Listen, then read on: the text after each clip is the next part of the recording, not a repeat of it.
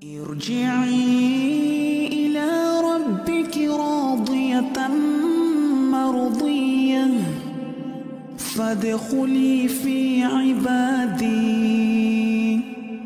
وادخلي جنتي.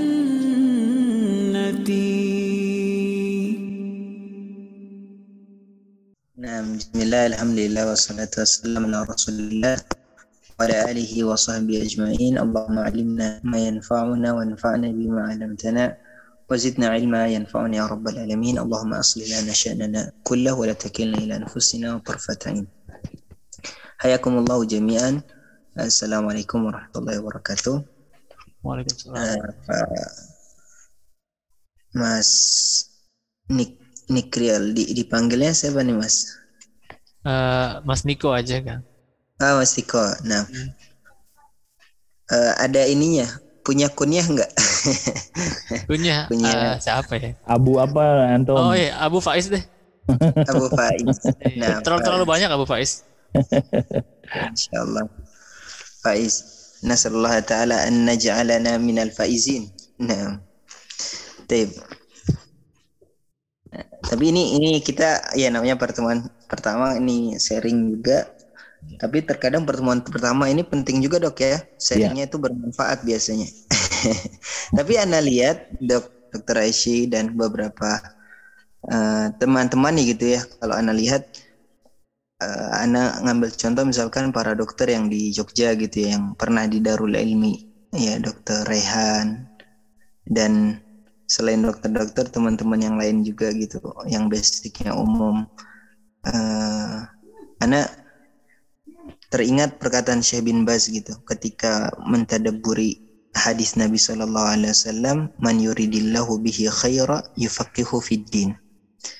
Yang mananya salah satu tanda Allah Subhanahu wa taala memberikan kebaikan seorang hamba di dunia dan juga di akhirat itu dilapangkan dirinya digunakan untuk mempelajari agama Islam gitu. Nah, salah satunya yang Anda lihat kalau ada eh, taufik ketertarikan untuk mempelajari eh, bahasa Arab ini sebenarnya salah satu tanda kebaikan dari Allah Subhanahu wa taala. Ya yang Anda maksud eh, terkadang sebagian mungkin eh, hal-hal yang ya eh, mendatangi majelis ilmu ya mempelajari bahasa Arab ini mungkin sebagian kita masih ya menganggap itu belajar biasa gitu ya atau ya sekedar nambah maklumat pengetahuan atau apa. Tapi kalau anda perhatikan eh, itu salah satu tanda yang eh, Allah berikan kepada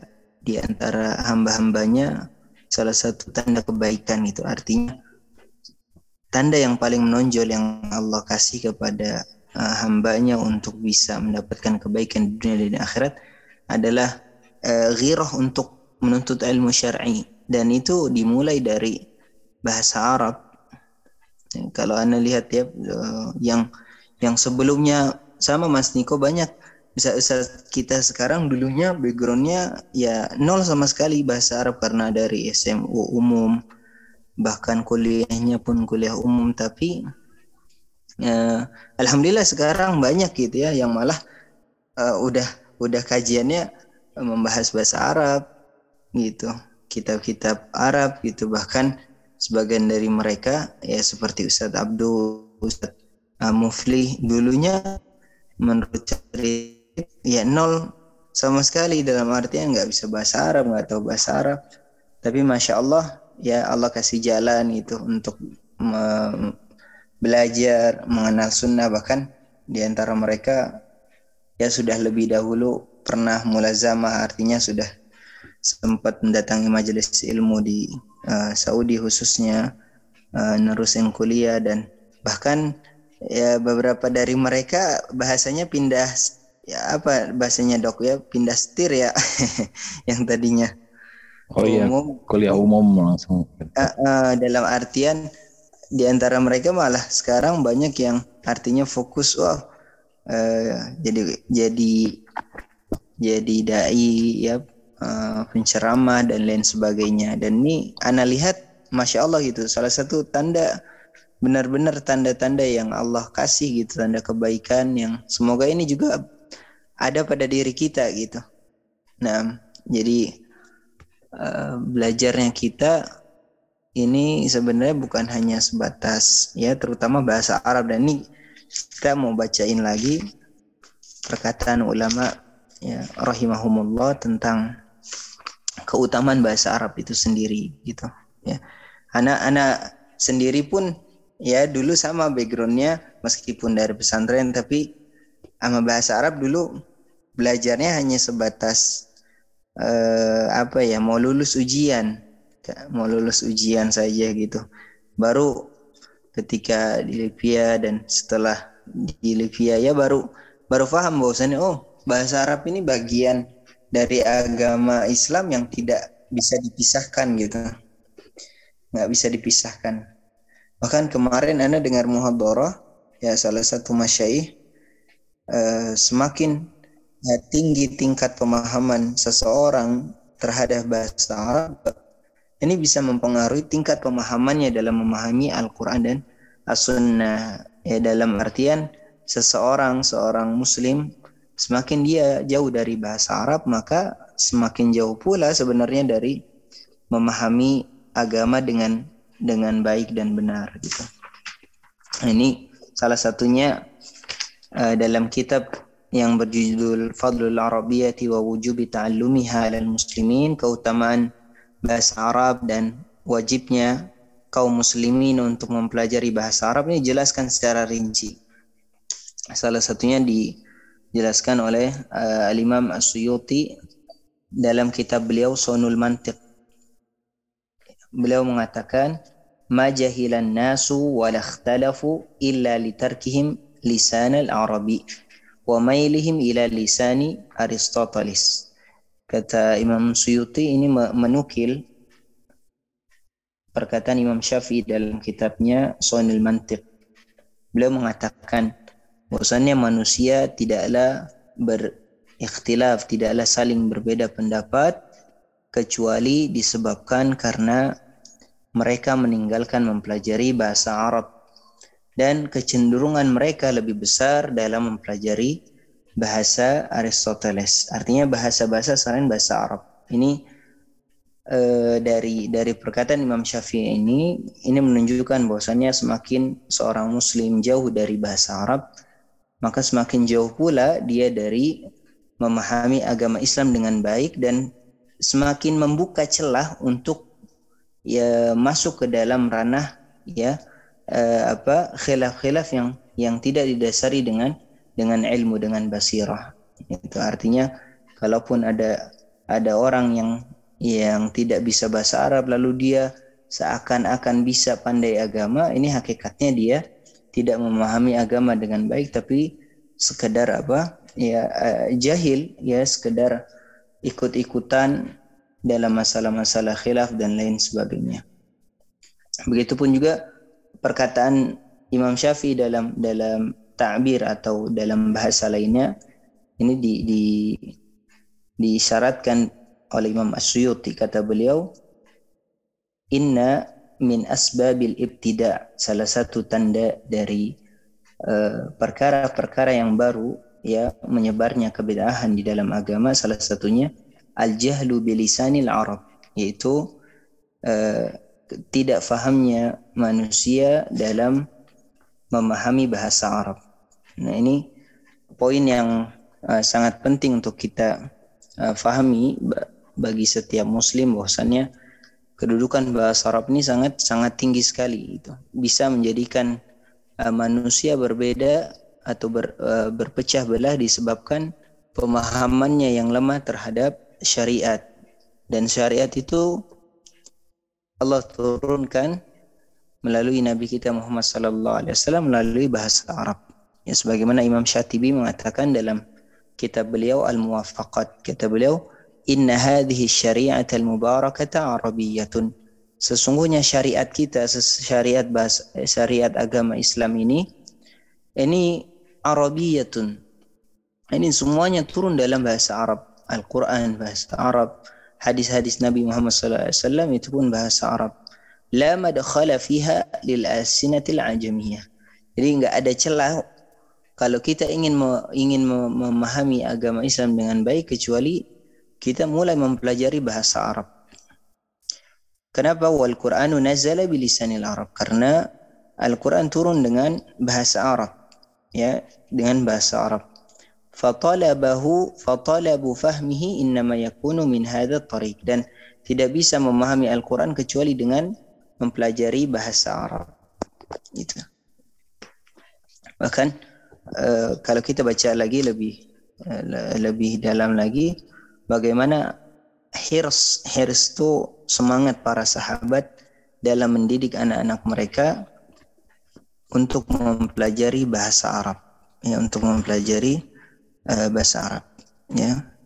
Salah satunya apa yang di dikatakan oleh Ubay ibn Ka'ab. Ubay bin Ka'ab kita tahu sahabat yang mulia dikenal uh, ahli Al-Quran. Beliau mengatakan ta'allamul arabiyyata kama ta'allamuna hifdzal Quran pelajarilah bahasa Arab sebagaimana kalian mempelajari cara menghafal Al-Quran. Uh, dalam dalam asar lain ya Umar Ibn Al-Khattab mengatakan ta'allamul lahna wal faraidha fa innahu min dinikum. Pelajarilah ya kesalahan-kesalahan dalam bahasa Arab ya, pelajarilah ilmu faraid karena itu semua bagian dari agama kalian. Dan asar-asar yang lain tentang keutamaan bahasa Arab ya yang dinukil dari perkataan para sahabat ini sangat banyak sekali yang menunjukkan bahwasannya bahasa Arab ini uh, merupakan ya pintu masuk dari memahami agama Islam dengan uh, baik dan dan benar. Nah, Taib. Mungkin uh, sambil diskusi dok, ada poin-poin mungkin dok yang Ya. Masya Allah. ya, Masalah Ustadz nih ada guru Ana nih, guru kita semua nih, Prof. Samsul Rizal. Sama ada apa dokter pribadi sama dokter Saiful Hidayat baru masuk. Sama dokter Imran. Ah, Barakallahu iya, fikum. iya, iya, Masya Allah, Ah, Masya Allah. Ahlan wa sahlan. Ahlan wa sahlan, Masya Allah. Iya, Ana lihat udah. Nah, ahlan wa sahlan Pak Pak Dokter Saiful, Pak Samsul Rijal, Pak Dokter Pribadi, nah Pak Imran. Ahlan wa sahlan. Nah, Ustadz, Gimana mungkin, dok? Ada, nah, eh, mungkin eh, yang jadi kendala kita ini kan kita baru belajar di usia yang sudah tidak lagi muda ya Ustadz. Itu Ya. gimana sebetulnya Ustadz? Taib. Ini ada ada apa ya poin yang sebenarnya sama ya di di beberapa tempat seperti itu. Pertanyaan tentang gimana nih kalau kita belajar eh, agama khususnya bahasa Arab di usia kita yang sudah eh, senja gitu yang sudah lagi. Karena sih yang pertama kita merubah mindset ya dok ya dalam artian eh, kalau anak-anak ya mahat gitu ya anak-anak pondok mereka belajar ini memang dalam rangka ya tafakuh dan lain sebagainya gitu ya dok dalam rangka memang eh, menguasai dasar-dasar agama dan lain sebagainya.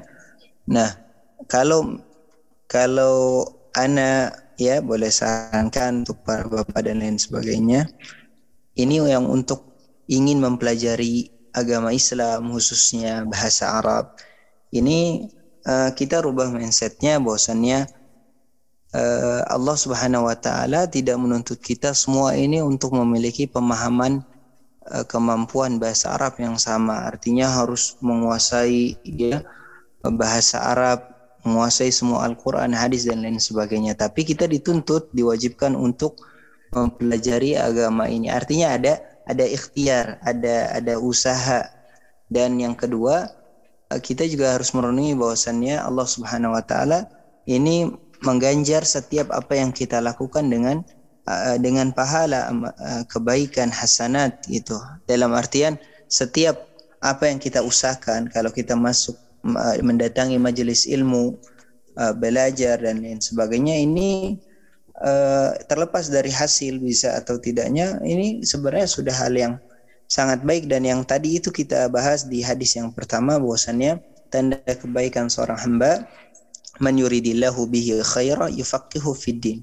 Maka Allah akan mudah, mudahkan dia untuk uh, memahami agama Islam dengan baik. Salah satu tanda kebaikan yang Allah berikan kepada seorang hamba di dunia dan di akhirat akan di, dijadikan hatinya ini terikat ya dengan agama hatinya lapang dalam menerima kebenaran. Dan ini semuanya tanda-tanda kebaikan dari Allah Subhanahu wa taala. Jadi kalau menurut ana uh, tidak apa tidak masalah kita kita belajar di waktu yang mungkin tidak mudah lagi. Yang penting semuanya apa dalam rangka ya um, mencari ridha Allah Subhanahu wa taala. Cari ridha Allah Subhanahu wa taala adapun hasil ya uh, ya dalam artian bisa atau tidak ini bukan hal eh, target yang yang Allah Subhanahu wa taala tekankan itu. Nah, Dok. Seperti itu, Dok. Jazakallah khair, Ustaz. Wa iyyakum. Di antara ya ini yang ikut yang yang masuk, Dok. Mm-hmm. Ada yang sudah pernah belajar bahasa Arab, Dok. Nah, nggak tahu nih Ana. Pernah Silakan. cuman nggak lulus lulus semester satu terus. Masya Allah. Maksudnya Masya Allah. enam bulan abis itu putus. Ah, jadi mulai dari awal langkahnya di situ aja, jalan di tempat. Nah, memang yang jadi yang jadi apa ya yang sering terjadi memang yaitu futur di tengah jalan ya khususnya bahasa Arab nih para dokter ya. Memang eh, masya Allah gitu kadang ya ujiannya ya berat ya. Ujian untuk untuk istiqomah belajar gitu. Masya Allah gitu. Terlebih eh, memang apa ya eh terkadang target kita nih kalau kalau bukan talibul ilmi dalam artian eh, sudah berkeluarga banyak kerjaan kadang kan targetnya sekedar ini ya sekedar apa ya dengerin gitu ya.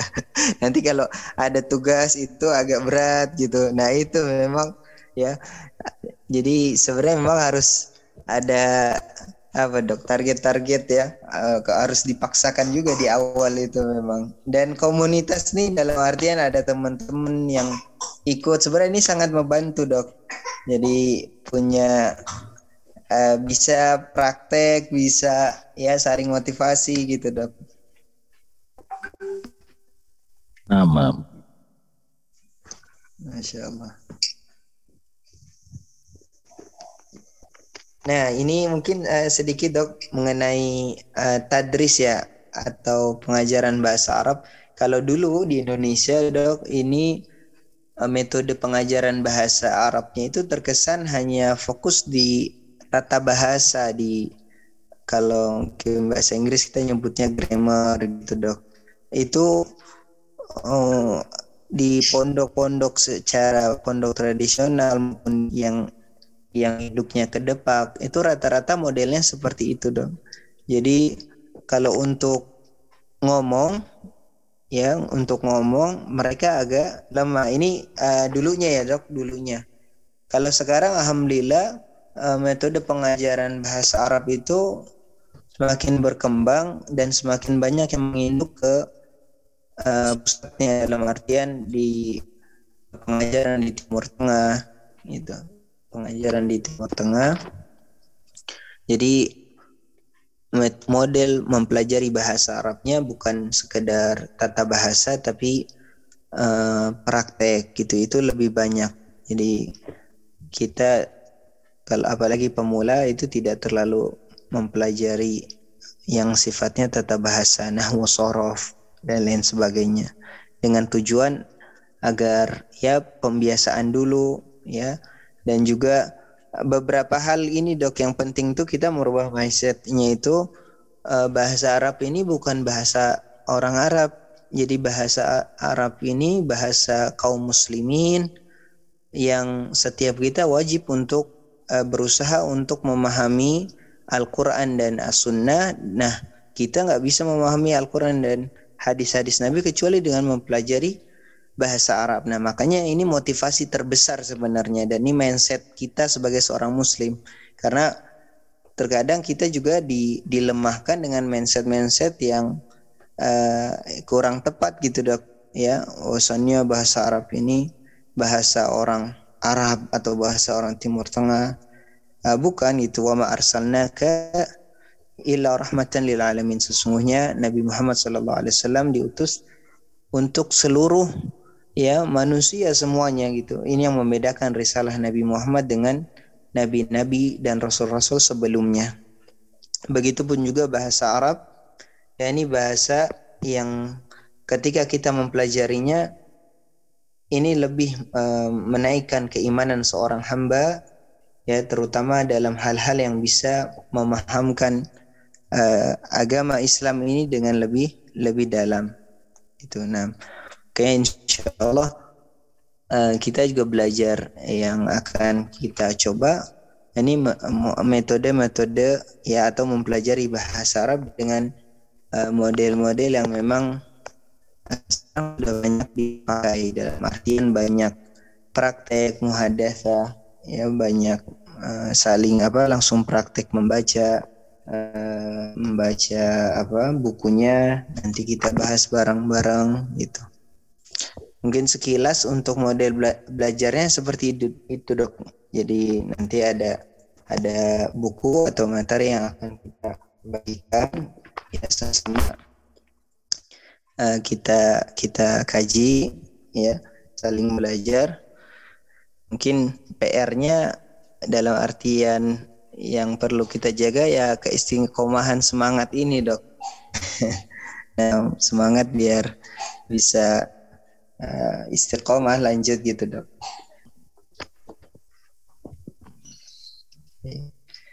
Kalau Anda boleh tanya nih dok, mungkin masing-masing apa ada motivasi pribadi ini mempelajari bahasa Arab dok? Kalau dari antum, dokter Aisyah dok. Iya. dok. Anda sih kan beberapa kali uh, coba ikutnya, uh, cuma mungkin karena ketidakseragaman dari partisipan ya dalam arti uh, kalau dokter itu kan terbatas ya buat waktunya gitu. Nah mungkin anda coba untuk supaya lebih istiqomah dengan teman-teman sejawat nih sekarang gitu. Mudah-mudahan istiqomah nih minta doanya juga. gitu. Karena kadang-kadang futurnya masya Allah.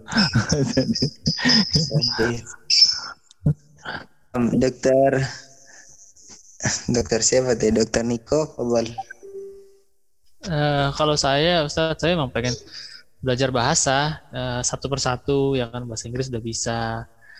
Terus uh, bahasa yang lain kayaknya manfaatnya kurang ya. Nah, bahasa ya. Bahasa Arab ini kan saya lihat dia uh, keenam terbesar di dunia ya. Jadi pengguna penggunanya itu cukup besar dan uh, ada manfaat double yang bisa kita dapatin selain kita bisa paham Al-Qur'an juga. Dan satu lagi di Ustadz di keluarga saya ada yang sudah bisa bahasa Arab itu. Adik saya bisa bahasa Arab. Adik saya paling kecil. Dia les di UI waktu itu. Di apa PBB PPB UI jadi dia bisa. bahkan dia bisa bahasa bisa baca bahasa Ibrani juga. Saya nggak tahu belajar di mana dia. Masya Allah kan Erik kan? Bukan adiknya Erik adiknya Erik Masya Allah iya. bukan Erik bukan. Masya Allah ya pengen aja Ustadz. Pengen. Apalagi gitu kan uh, satu-satunya kita tambah tua tambah susah belajar saya mendingan mulai dari sekarang. Saya juga udah mulai belajar nyari-nyari aplikasi yang belajar kata. Ini kata ini artinya apa? Terus ada kayak aplikasi eh, apa Quranik di Google Apps. Saya nggak tahu itu benar tapi saya disarankan benar, benar. Masya Allah. Barakallah fiqh Uh, yang lain kayaknya senior senior nih ya Pak Dokter Ishi. Prof Samsu nih, silahkan Prof. Masya Allah, Masya Allah nih. Coba uh, share Pak Prof. Ambisinya sih besar. Pengennya bisa baca uh, bahasa Arab gundul gitu, bisa baca kitab. Tapi kan itu uh, tata bahasa ya, seperti saya katakan tadi. Kita nggak mungkin baca bahasa Arab gundul kalau tidak memahami grammar bahasa Arabnya dengan baik. Betul, betul, sahih, sahih, betul. Nah, nah oleh karenanya buku-buku atau metode yang modern ini sebenarnya mereka bukan meniadakan tata bahasa tetapi mm, model pengajarannya aja jadi uh, seakan-akan uh, apa ya diselingi gitu dok jadi tata bahasanya atau dalam bahasa Arab disebut nahwu sorofnya itu itu diselingi dalam bab mungkin diakhirkan atau atau tidak uh, agar agar seorang daris atau pembelajar bahasa Arab ini tidak tidak tidak terberatkan dengan tata bahasanya. Karena uh, pengalamannya seperti itu dok. Jadi dulu itu kitab-kitabnya buku-buku pegangannya itu rata-rata fokusnya malah ke tata bahasa gitu. Nah orang yang belum punya basic sama sekali dalam bahasa Arab ini ya cukup berat. Nah, adapun buku-buku sekarang tetap sebenarnya mempelajari tata bahasanya cuman uh, model model apa al-art model uh, bentuknya aja yang yang berbeda seperti itu, Dok. Nah, terus Anda juga ya uh, menyarankan untuk ya bahasanya untuk yang memang sudah sudah berumur kita fokus ke hal-hal yang memang bermanfaat untuk kita gitu dalam artian oh kita mempelajari bahasa Arab dalam uh, agar lebih memahami ya uh, bacaan Al-Qur'an kita, sholat kita ya dan hal-hal yang berhubungan dengan uh, muamalat kita sehari-hari gitu. Dan itu insya Allah bermanfaat gitu ya. Nanti kita setiap pertemuan misalkan saling baca satu dua hadis terus nanti diartikan gitu ya atau hal-hal yang seperti itu yang menurut Anda itu lebih bermanfaat untuk kita gitu. Nah, dan terus yang selanjutnya eh, bahasa Arab ini dalam dalam beberapa asar nih bahasa yang yang cukup luas dalam artian tidak ada yang bisa menguasai secara utuh bahasa Arab ini kecuali para nabi. Nah, itu di dalam hadisnya seperti itu. Dalam artian bahasa Arab ya kalau kita bicara apa sih ininya apa bahasa Arab nih eh, apa apakah ada ada ukuran tertentu seseorang dis, bisa disebut faham bahasa Arab? Ya dalam artian maksudnya bahasa Arab nih masya Allah gitu sangat luas gitu. Baik dari dari mufrodatnya kosakatanya uh, dan dan ilmu-ilmu yang lainnya. Karena ilmu bahasa Arab aja ada ya 12 cabang itu ada ilmu balaghah ilmu arud ya uh, dan lain sebagainya. Nah kita nih sebagai bahasanya sebagai pemula ini ya tadi target utamanya sebenarnya kita ya bisa uh, menambah kehusuan sholat kita dengan memahami apa yang kita baca. Begitupun juga uh, ketika ada uh, teman ya bisa berko, uh, berkomunikasi dan lain uh, sebagainya memahami apa ya yang uh, teman kita bicarakan gitu. Nah, ini sebenarnya target-target di awal untuk pemula menurut anda ini uh, yang uh, apa ya yang lebih baik untuk kita mulai gitu. Nah, kalau untuk waktu ini udah fix dok tengah delapan. Insya Allah kalau anda sih agak longgar ya. Insya Allah Niko juga gitu. Tapi nggak tahu yang lain nih. Masya Allah. Insya Allah. Aneh sih bisa ya insya Allah karena waktunya pas lah ya. Kira-kira mau berapa jam Ustaz? Ininya. Masya Allah. Sampai jam berapa kira-kira? Ini kayaknya udah siap banget. oh ya. Sudah ada jam tidur juga kan sebenarnya. Nah, ya satu jam dulu aja dok. Oke. Okay. Nah, satu jam dulu. Yeah. Nanti rekaman ini Ana share di YouTube aja kali ya, Ustaz ya. Tapi Ana bikin private. Jadi yang dapat link itu yang bisa lihat. Gimana? Ana minta izin dulu nih sama antum. Labas kalau bermanfaat labas. Mantap. Jazakallah khair.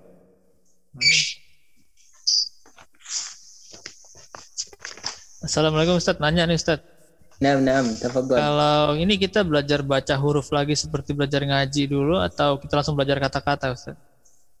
Uh, enggak, enggak, enggak, enggak belajar ngaji, enggak belajar huruf-huruf. Jadi langsung kita ke ke bukunya itu nanti kalau insya Allah kalau sudah sudah bisa baca Al-Quran, insya Allah baca ya kitab itu ya insya Allah bisa gitu. Kalau harokat kan nanti sambil dikit-dikit ya dipandu. Dalam artian nanti kitabnya kita carikan yang yang berharokat, insya Allah bisa gitu. Jadi kita sistemnya langsung ke buku itu tidak belajar ini lagi, tidak belajar apa huruf per huruf, tapi langsung baca.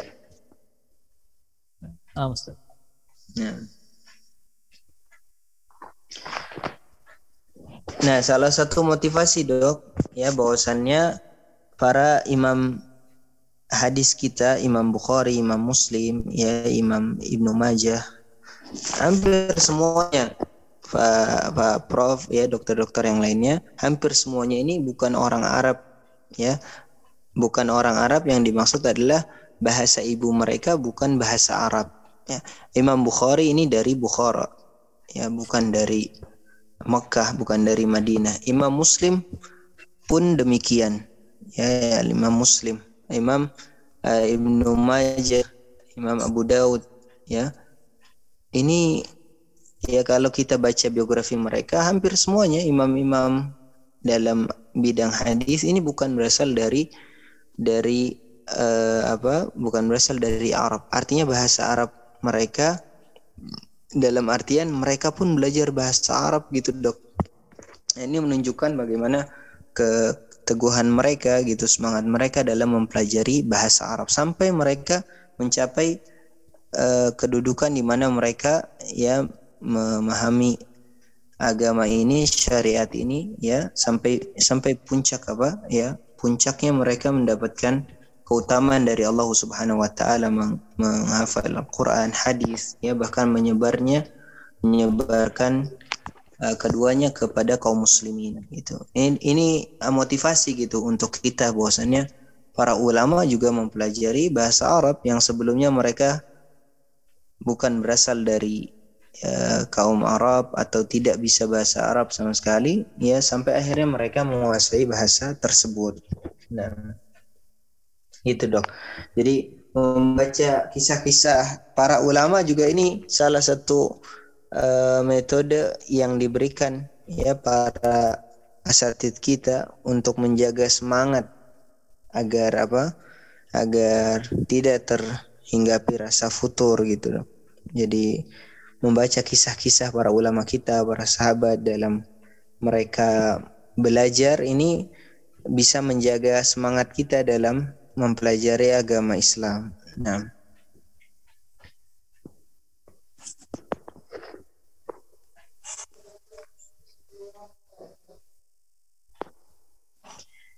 Baik dok. Iya. Eh, mungkin pertemuan ini kita ya cukup se- untuk sharing dulu dok. Nanti teknisnya nanti kita berdua ini kan dok ya Ya. untuk kitab lainnya itu. Eh, bahasa ini ini ya an- maksudnya anda sarankan kita jangan sampai fokusnya hanya di hari Senin gitu. Dalam artian hari Selasa sampai hari Ahad harusnya aktif juga dok. Ya baik eh, nanti antum ada grup sendiri atau apa gitu. Karena kalau em, belajarnya hanya di hari Senin terus tidak ada diskusi atau lain hal gitu ya tidak ada pertanyaan tanya jawab ini eh, kayaknya agak ini juga dok agak berat juga dalam artian Hmm. nah jadi anak pengennya tuh eh, kita aktif gitu Ya. kalaupun nanti ada grup misalkan ya anak atau nomor anak alhamdulillah ada di kantung gitu Hmm. hmm. tafadhol ada yang mau ditanyakan mau ini uh, maftuh gitu terbuka ya 24 Oh. jam tafadhol gitu Apa kita bahkan, bikin WA group sebenarnya, sendiri, Ustaz? Uh, Untuk ini. Eh, Tafadhol, ini kalau antum lihat itu ada masalah gitu. Karena anak yang sudah-sudah gitu yang sudah berjalan itu anak eh, apa ya pengennya tuh anak wajibkan misalkan setiap pagi ya menyapa gitu setiap pagi bertanya setiap pagi. Jadi bahasa itu terpakai dan itu sebenarnya kuncinya. Dulu ketika kita di Libya dua tahun awal itu kita ya dalam artian nggak boleh ngomong bahasa Indonesia sama sekali kalau di kelas gitu. Dan terus kita suruh dengar terus dengar terus ya. Meskipun awal-awal uh, sulit terpaksa tapi alhamdulillah ya akhirnya abang ngikutin. Memang ya terkadang butuh dipaksakan ju, uh, dulu gitu dok. Nah, dalam artian anak pengennya pengen uh, yang berbahasa Arab ini aktif gitu. Karena itu kuncinya sebenarnya. Nah jadi nah. Baik. Mungkin dari teman-teman lain, eh, Dokter Saiful Hidayat nih, atau Dokter Imron, monggo.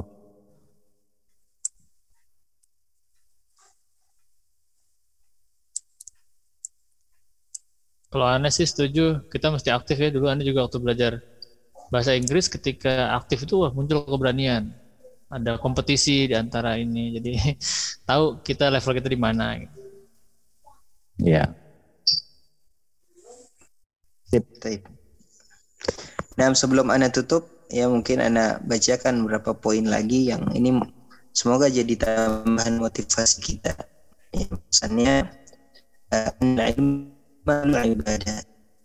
Menuntut ilmu itu salah satu ya, pokok dari uh, ibadah kita kepada Allah Subhanahu wa taala. Dalam artian ilmu dan keikhlasan ini sesuatu hal dua hal yang tidak bisa uh, dipisahkan gitu sebagaimana penafsiran uh, Al-Qadiyat dalam ayat yang pertama dalam surah Al-Mulk itu ketika uh, Allah Subhanahu wa taala berfirman ketika menguji kehidupan dan kematian yabluwakum ayyukum ahsanu amala dalam rangka Allah menguji kita amal yang paling baik kita lakukan. Nah, beliau menafsirkan bahwasannya amalan yang paling baik adalah amalan yang paling ikhlas, akhlasahu wa aswabahu, paling ikhlas dan paling sesuai dengan apa yang Nabi Shallallahu Alaihi Wasallam contohkan. Nah, bagaimana kita bisa mengikuti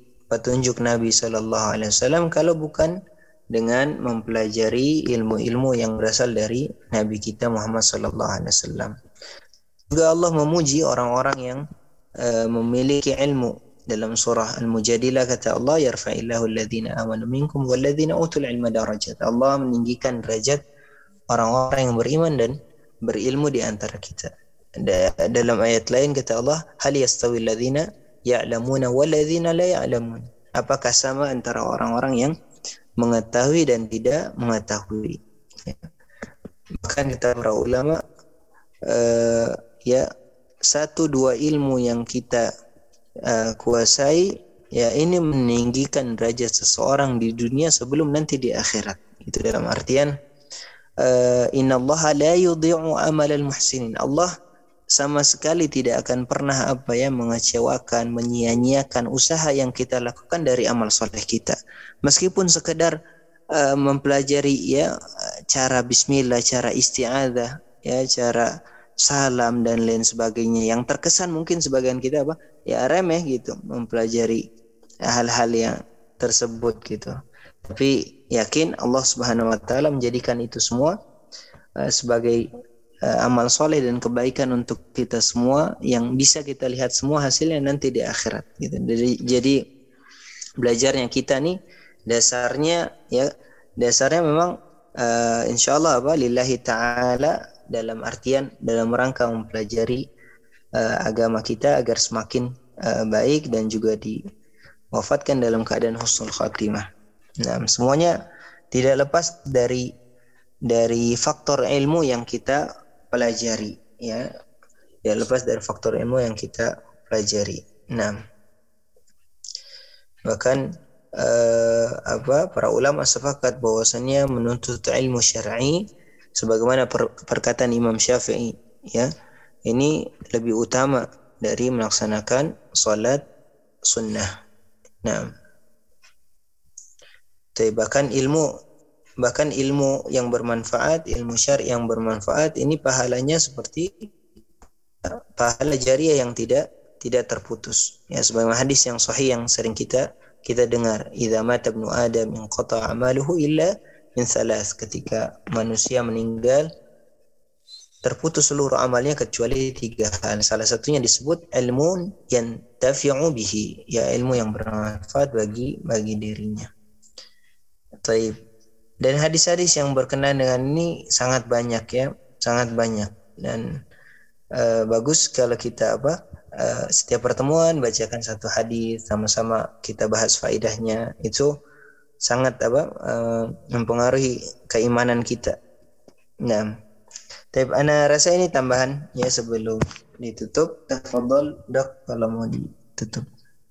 Baik. Insyaallah kita kita mulai uh, pekan depan insyaallah kita ya. mulai bahas kitabnya.